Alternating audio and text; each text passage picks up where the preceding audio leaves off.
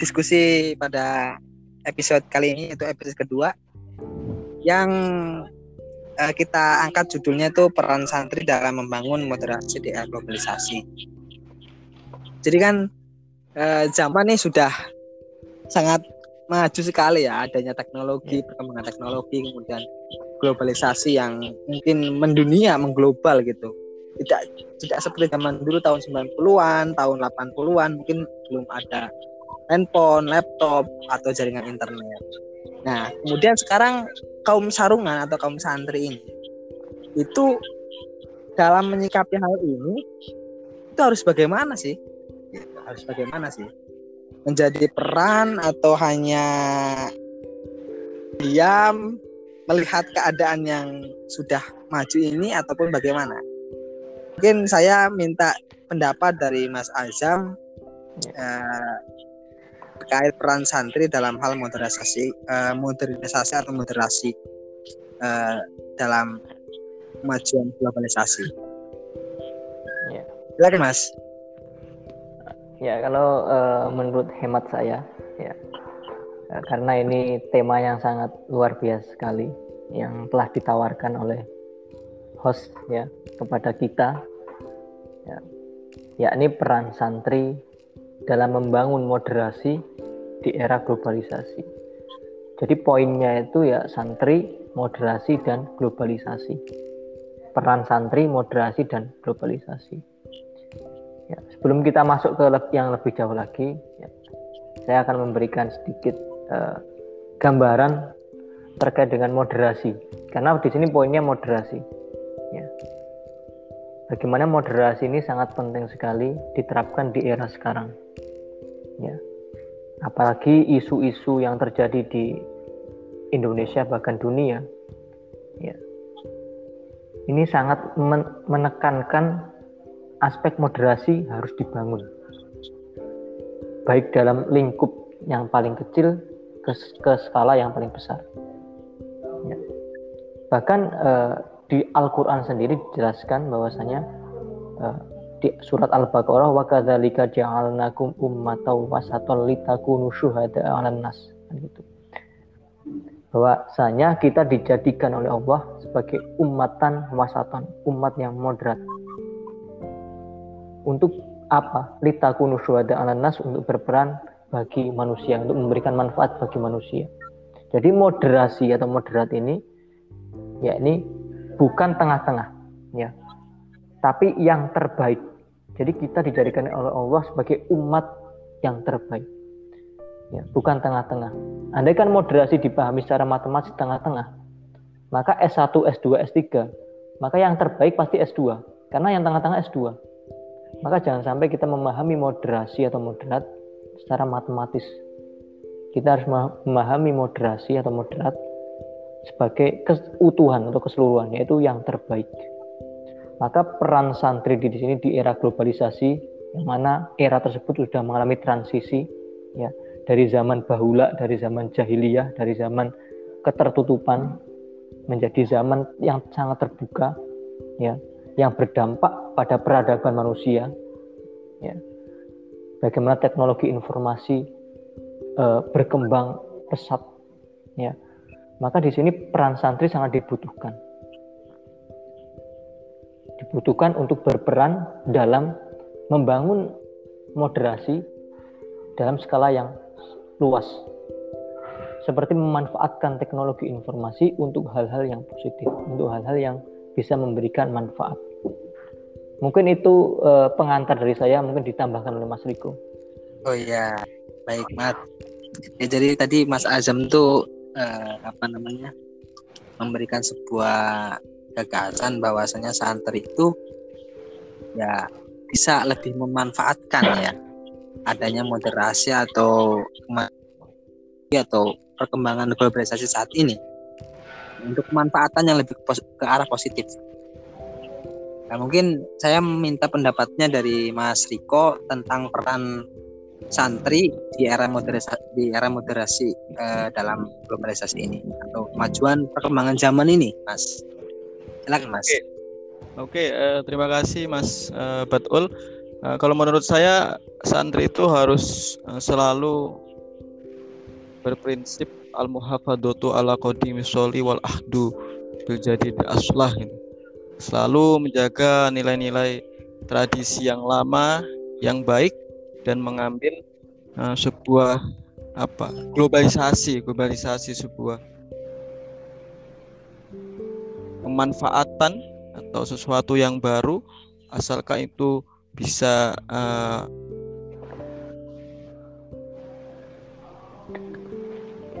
Mas Riko keputus ya Mas Azam? Iya keputus kayak hubunganmu sama dia. Waduh, ini Mas Azam aduh. Udah ya, halo saya, ya, saya menambahkan apa yang disampaikan Mas Riko tadi ya. Memang, oh iya iya. Ya, ya. mungkin Mas Riko, Mas Riko, Mas Riko. Oke, oke, itu jadi ya, ya, ya udah kan Mas. Nah, jadi itu ya. Nah, santri itu intinya tidak tidak kaku lah walaupun dengan uh, era globalisasi yang seperti ini yang sangat luar biasa harus selalu memiliki apa moderasi. Moderasi ini tadi sudah dijelaskan sama Mas Azam bukan tengah-tengah ya. Jadi ketika ada sebuah problem pilih A, pilih B, dan pilih tengah bukan bukan itu moderasi. Moderasi adalah dia tetap berpihak tapi dengan uh, sikap yang sejuk apalagi ketika kita mendengarkan uh, istilah santri santri itu kan dari aspek uh, kognitif pengetahuan mereka selalu digembleng ketika di pondok pesantren terus dalam sikap afektif apalagi afektif itu lebih ke tingkah laku memiliki akhlakul karimah yang baik dan terakhir adalah uh, psikomotorik seorang santri memang Eh, benar-benar memiliki soft skill, skill yang baik dan ini sudah saya kira santri sudah multi talent lah untuk menghadapi globalisasi. Kalau kata Baroma Irama itu kan uh, globalisasi itu era yang serba bebas. Jadi apa pun bisa kita raih dengan cepat, bisa kita peroleh dengan cepat, mau makan sekarang cepat dan sebagainya. Nah, dan ini harus benar-benar bisa kita saring mana yang harus kita uh, ambil dan mana yang harus kita tidak ambil. Mungkin kayak gitu Mas Batul. Yang penting santri oh. itu intinya harus harus apa ya? Ya harus apa berkecelimpungan, harus menjadi seorang yang moderasi dalam di era globalisasi ini dengan apa ya? Bahasanya tuh dengan memiliki kultur, nah, memiliki ke kebiasaan yang di mana santrinya tidak boleh dihilangkan tapi harus mengikuti arus globalisasi disaring yang baik agar untuk kemajuan bangsa Indonesia ini mungkin gitu Mas Batul. Oh iya iya Mas. Jadi Mas Riko ini menambahkan lebih sedikit dalam ya terkait makna peran santri gitu. Jadi eh, kebiasaan kultur yang sudah ada tetap dijaga kemudian santri tidak boleh diam dan kemudian eh, malah lari meninggalkan zaman yang semakin maju ini. Jadi santri harus mengikuti arus, uh, kemudian uh, merubah apa yang perlu dirubah ke arah positif tentunya. Kemudian moderasi ini disikapi secara uh, apa namanya tidak memihak satu atau dua, jadi lebih kepada uh, mempertimbangkan apa yang mereka harus lakukan. Gitu. Itu dari Mas Eko sedikit, sedikit mendalam tentang per, uh, peran santri ya yang yeah. dapat dilakukan uh, di zaman yang uh, sudah maju ini atau di era globalisasi. Mungkin ada tambahan lagi dari Mas Azam. Saya kira uh, tadi sudah hmm. jelas disampaikan oleh Mas Riko bahwasanya uh, seorang santri sangatlah penting berperan uh, atau berkecimpung atau terjun di era globalisasi ini.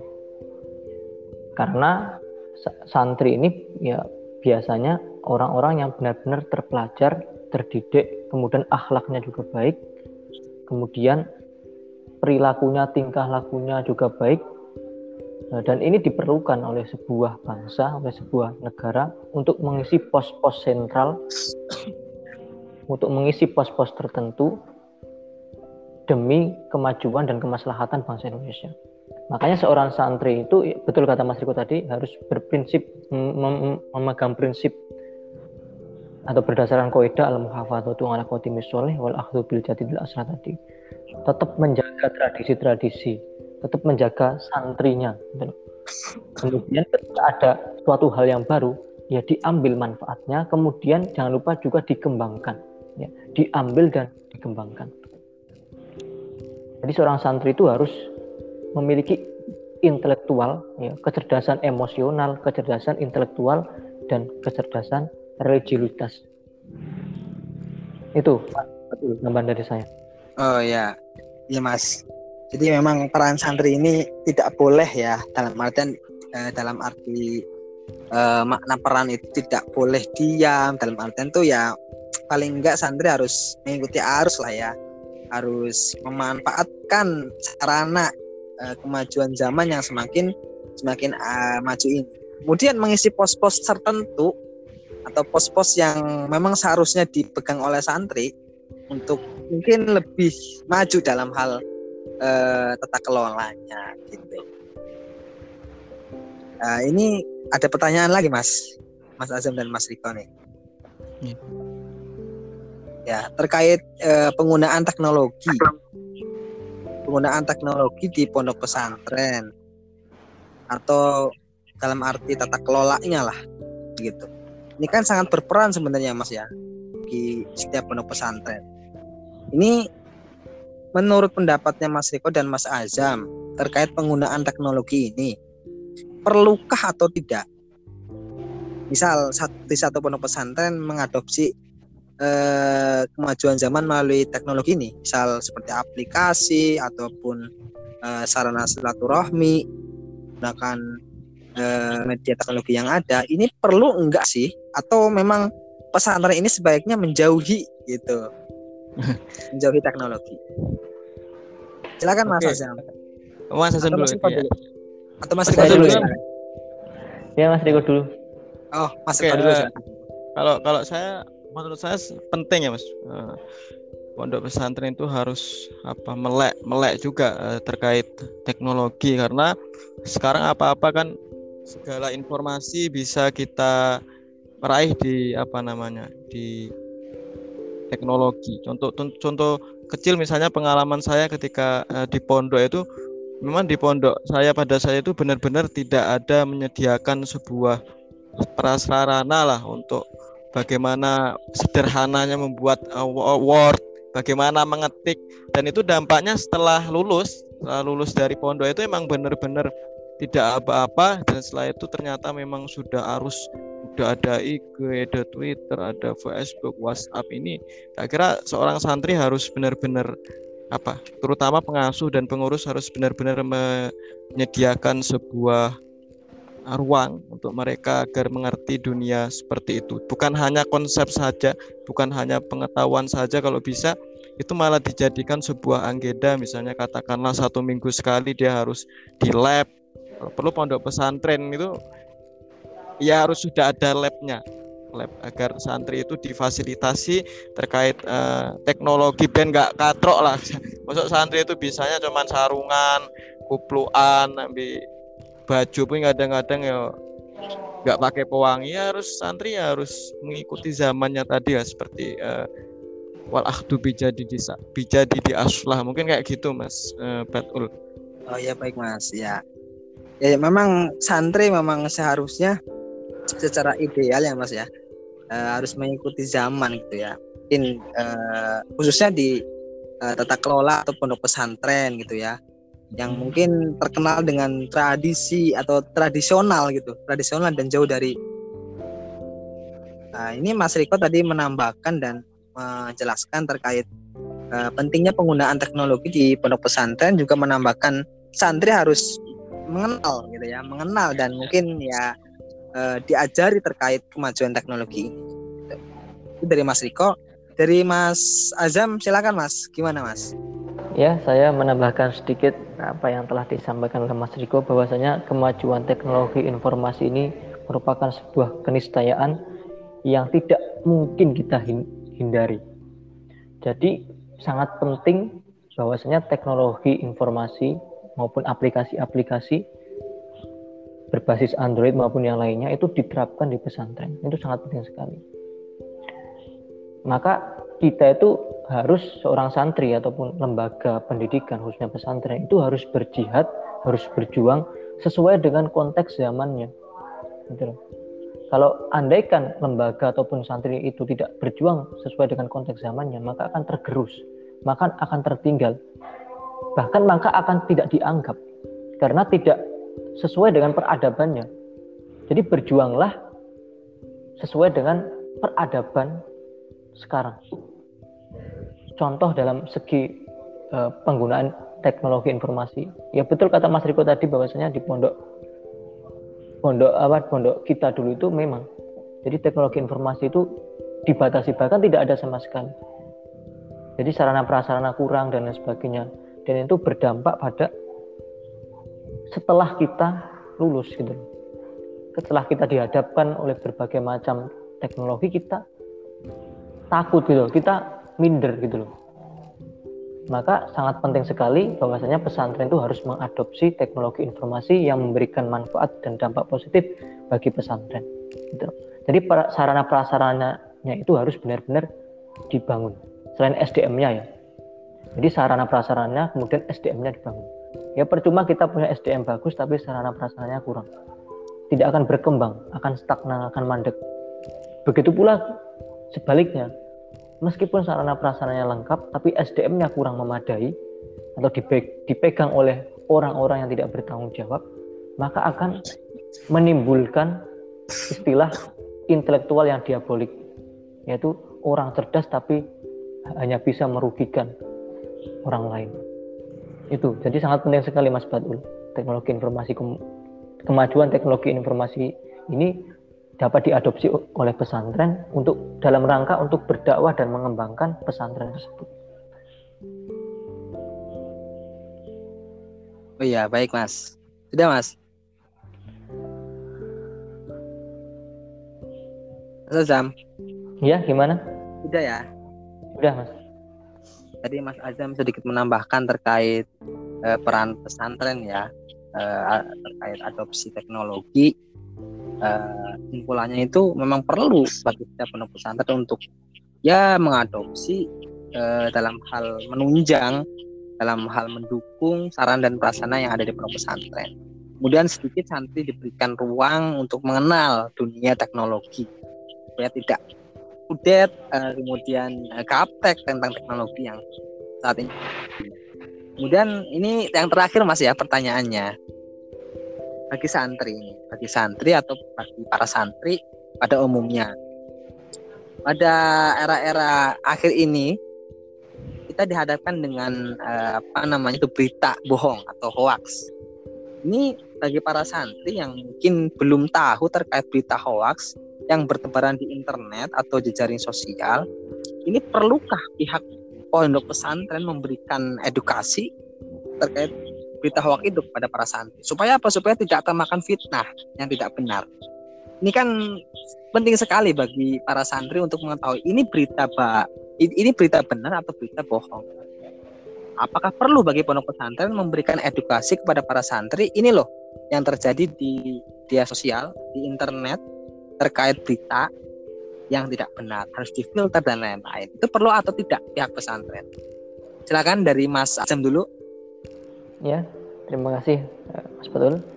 Eh, menurut saya eh, sangat perlu sekali bahwasanya pondok pesantren itu harus bisa mengedukasi para santrinya akan pentingnya perkembangan teknologi informasi. Bahwa kita sekarang ya bisa mengakses informasi dari mana saja, kapan saja, dari mana saja. Kita bisa mengakses melalui internet. Ya. Jadi internet itu ada dampak positifnya ada juga dampak negatifnya. Dampak positifnya apa?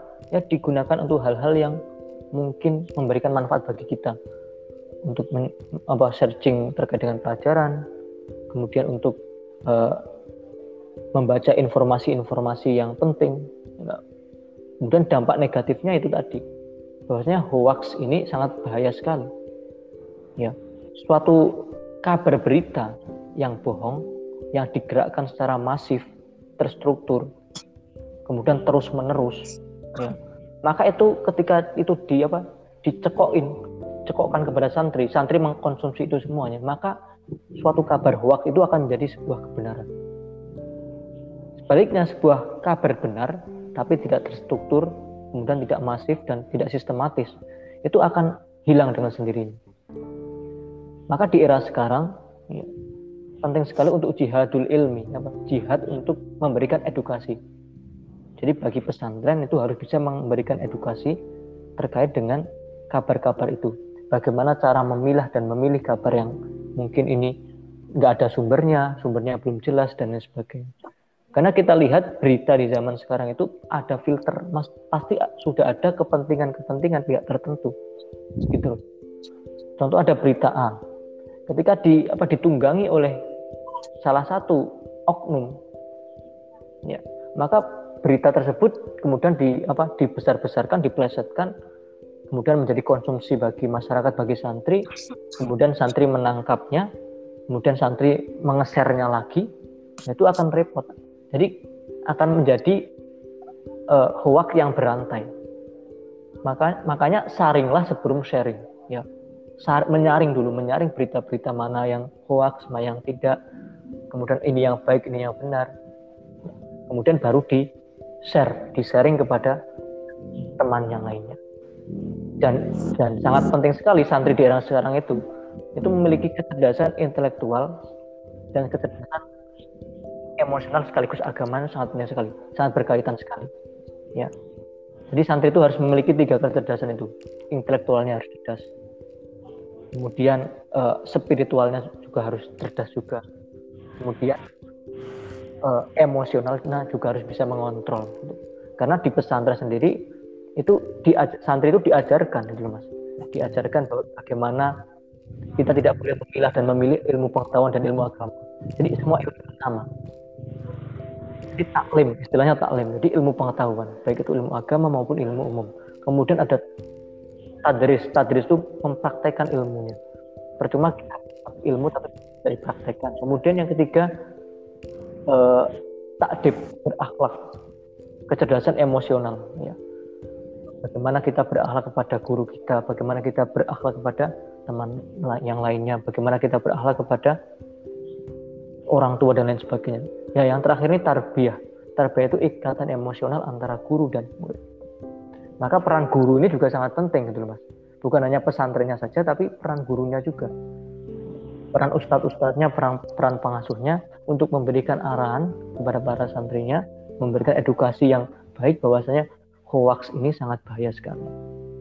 Hoax yang pertama kali itu dilakukan oleh iblis kepada Nabi Adam alaihissalam jadi hoax itu sangat bahaya dan sangat sangat ketika dikonsumsi secara terus menerus itu sangat akan membahayakan bagi keberlangsungan kehidupan di pesantren. Itu mas. Jadi poinnya itu tadi memberikan edukasi dan pemahaman kepada santri bahwasanya hoax ini sangat berbahaya. Kita harus bisa mensaring sebelum men-sharing kepada orang lain gitu mas. Oh iya. Ya, ya makasih Mas Azam. Jadi ya, pada kesimpulannya itu eh, pihak pesantren baik dari pengasuh, ustaz ustazahnya, kemudian orang-orang yang berkaitan eh, dengan santri khususnya bagi bimbing ya itu harus mampu memberikan eh, edukasi, memberikan uh, filtering. Oh ini hoax, oh ini ya hoax itu pada intinya dari Mas Azam. Kemudian Mas Riko gimana ini? Oke, okay, uh, eh, terima kasih Mas Batul. Mungkin saya lebih agak ini lebih agak simpel. Uh, saya teringat bahasa di dalam Al-Quran uh, al-fitnatu asyaddu minal qatsli. Jadi hoax itu nanti dampaknya adalah fitnah kan. Kita membenarkan berita yang belum tentu valid. Tapi terkait memberikan edukasi kepada santri itu kita bisa mengkiaskan bagaimana para santri belajar tentang kayak hadis doif itu apa, hadis sohih itu apa, hadis hasan itu apa. Jadi simpel saja kita memberikan edukasi bahwasanya di medsos, media sosial ketika kita uh, menyaring sebuah berita, ketika itu misalnya apa di IG, apa di Twitter, mungkin di TV dan sebagainya, sama persis kita belajar hadis. Maksud saya kayak gitu. Jadi kita harus benar-benar memiliki konsep muhasabah jadi tidak hanya share saja dan sebagainya harus kita benar-benar cari ini berita yang benar apa hoax. Karena sekarang banyak ya misalnya santri yang dia tidak berpengalaman. Mohon maaf santri yang dia tidak mau membaca terlebih dahulu dengan teliti terus sumbernya dari mana tadi sudah disinggung Mas Azam sangat betul sekali. Karena media sekarang kita kalau berbicara jujur ditunggangi eh, politik jadi siapa yang penguasa itu yang menguasai media media sosial tapi setidaknya ketika kita belajar analisis media di situ ada indikator-indikator berita yang yang benar bagaimana, berita yang salah bagaimana itu yang harus diedukasikan ke santri para santri. Yang jelas itu pengasuh dan pengurus mungkin bisa memberikan sebuah apa bahasanya bukan pengajian ya kayak seperti uh, apa forum diskusi, forum seminar yang yang temanya itu bahwasanya media sosial itu harus benar-benar diteliti dengan baik. Jadi di situ indikatornya yang bohong gimana, yang benar itu gimana. Mungkin kayak gitu Mas Batul kalau menurut saya. Ya, Mas, Mas. Baik, baik. Nah, jadi Mas Riko lebih menjelaskan kepada indikator-indikator ya Mas ya terkait berita, news, terkait uh, kabar yang uh, berseliweran atau berada di internet atau media sosial. Jadi jangan langsung kita share, jangan langsung kita bagikan, jangan langsung kita konsumsi, tapi lebih diteliti, lebih difilter gitu ya Mas ya. Betul. Ya, mungkin uh, cukup Mas, cukup sekian ya. Uh, Closing podcast, statement. Podcast Ruang Santri ini kepada kedua pemateri close, yang sudah closing, closing. yang sudah apa namanya sudah memberikan uh, pendapat opini juga materinya saya selaku host mengucapkan banyak terima kasih Mas, Mas Aza, Mas Riko. Siap ya, Mas. Ya. ya mas. Jangan bosan-bosan mampir di podcast Ruang Santri karena insya Allah ke depannya ini akan uh, membuat konten-konten positif ya seputar dunia santren. Mungkin cukup sekian Mas. Ya, terima kasih. Terima kasih. Assalamualaikum warahmatullahi wabarakatuh. Waalaikumsalam warahmatullahi wabarakatuh.